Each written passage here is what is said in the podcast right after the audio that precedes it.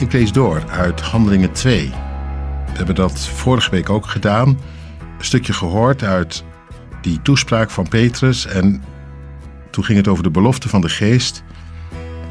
En over het einde van de tijden, dat de geest daarin hart voor hart inwint. Maar er staat nog wat bij. En dat komt regelrecht uit de belofte van Joël. Dus dat zijn oude woorden. Waarvan Petrus zegt, die zullen nu in vervulling gaan. Er staat dan in hoofdstuk 2, vers, vers 19 en 20.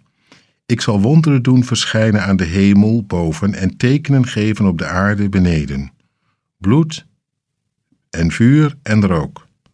De zon verandert in duisternis en de maan in bloed. Voordat de dag van de Heer komt, groot en ontzagwekkend. Dat is apart. Het ging net over de geest, mensen die worden ingewonnen. Maar er komt ook een andere beweging op gang. Dat hoor je hier. Een vernietigende beweging. Niet omdat God uit is op vernietiging, maar omdat het een door het ander wordt opgeroepen. Met dat God genadig zijn gang gaat en de hemel zich doorzet op deze aarde,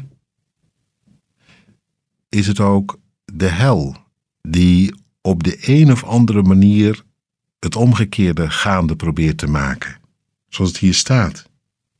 Bloed, vuur en rook. En God houdt het niet tegen. Het worden twee krachten die tegen elkaar strijden. God laat het begaan. Er wordt zelfs gezegd dat Hij het zo zal laten gebeuren. Ik zal. Met andere woorden, er zit ook iets van gericht in. De machten, de krachten die altijd hadden geheerst en geregeerd, die mogen hun gang gaan. Dat is aangrijpend. Het gericht is iets wat we onszelf op de hals halen en waarmee we zelf het oordeel met alle ellende van dien over ons afroepen. En God? Ja, die kan op een dag zeggen: Als je niet anders wil, dan moet het maar zoals je wilt, in het einde van de tijden. Zullen de gerichten over de wereld gaan? De gerichten als gevolg van ons eigen gedrag. God houdt het niet meer tegen. Ik zal het laten gebeuren, zoals jullie het zelf bedenken. Bloed, vuur en rook, dat is geweld en oorlog. Maar ook een zon die verandert in duisternis, een maan die verandert in bloed.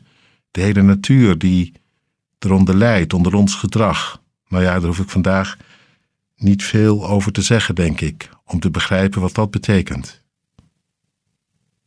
We maken zelf de aarde kapot omdat we op de een of andere manier maar niet los kunnen komen van onze hebzucht en machtswellust. Eén ding is heel zeker. Hoe het ook gaat, wat er ook gebeurt, het loopt uit op de grote dag. De grote dag van de Heer. En goed dat die eraan zit te komen. Dat niet dat van ons eindeloos regeert, maar dat Hij op zijn ontzagwekkende wijze verschijnen zal en een punt zet en het zijne doorzet.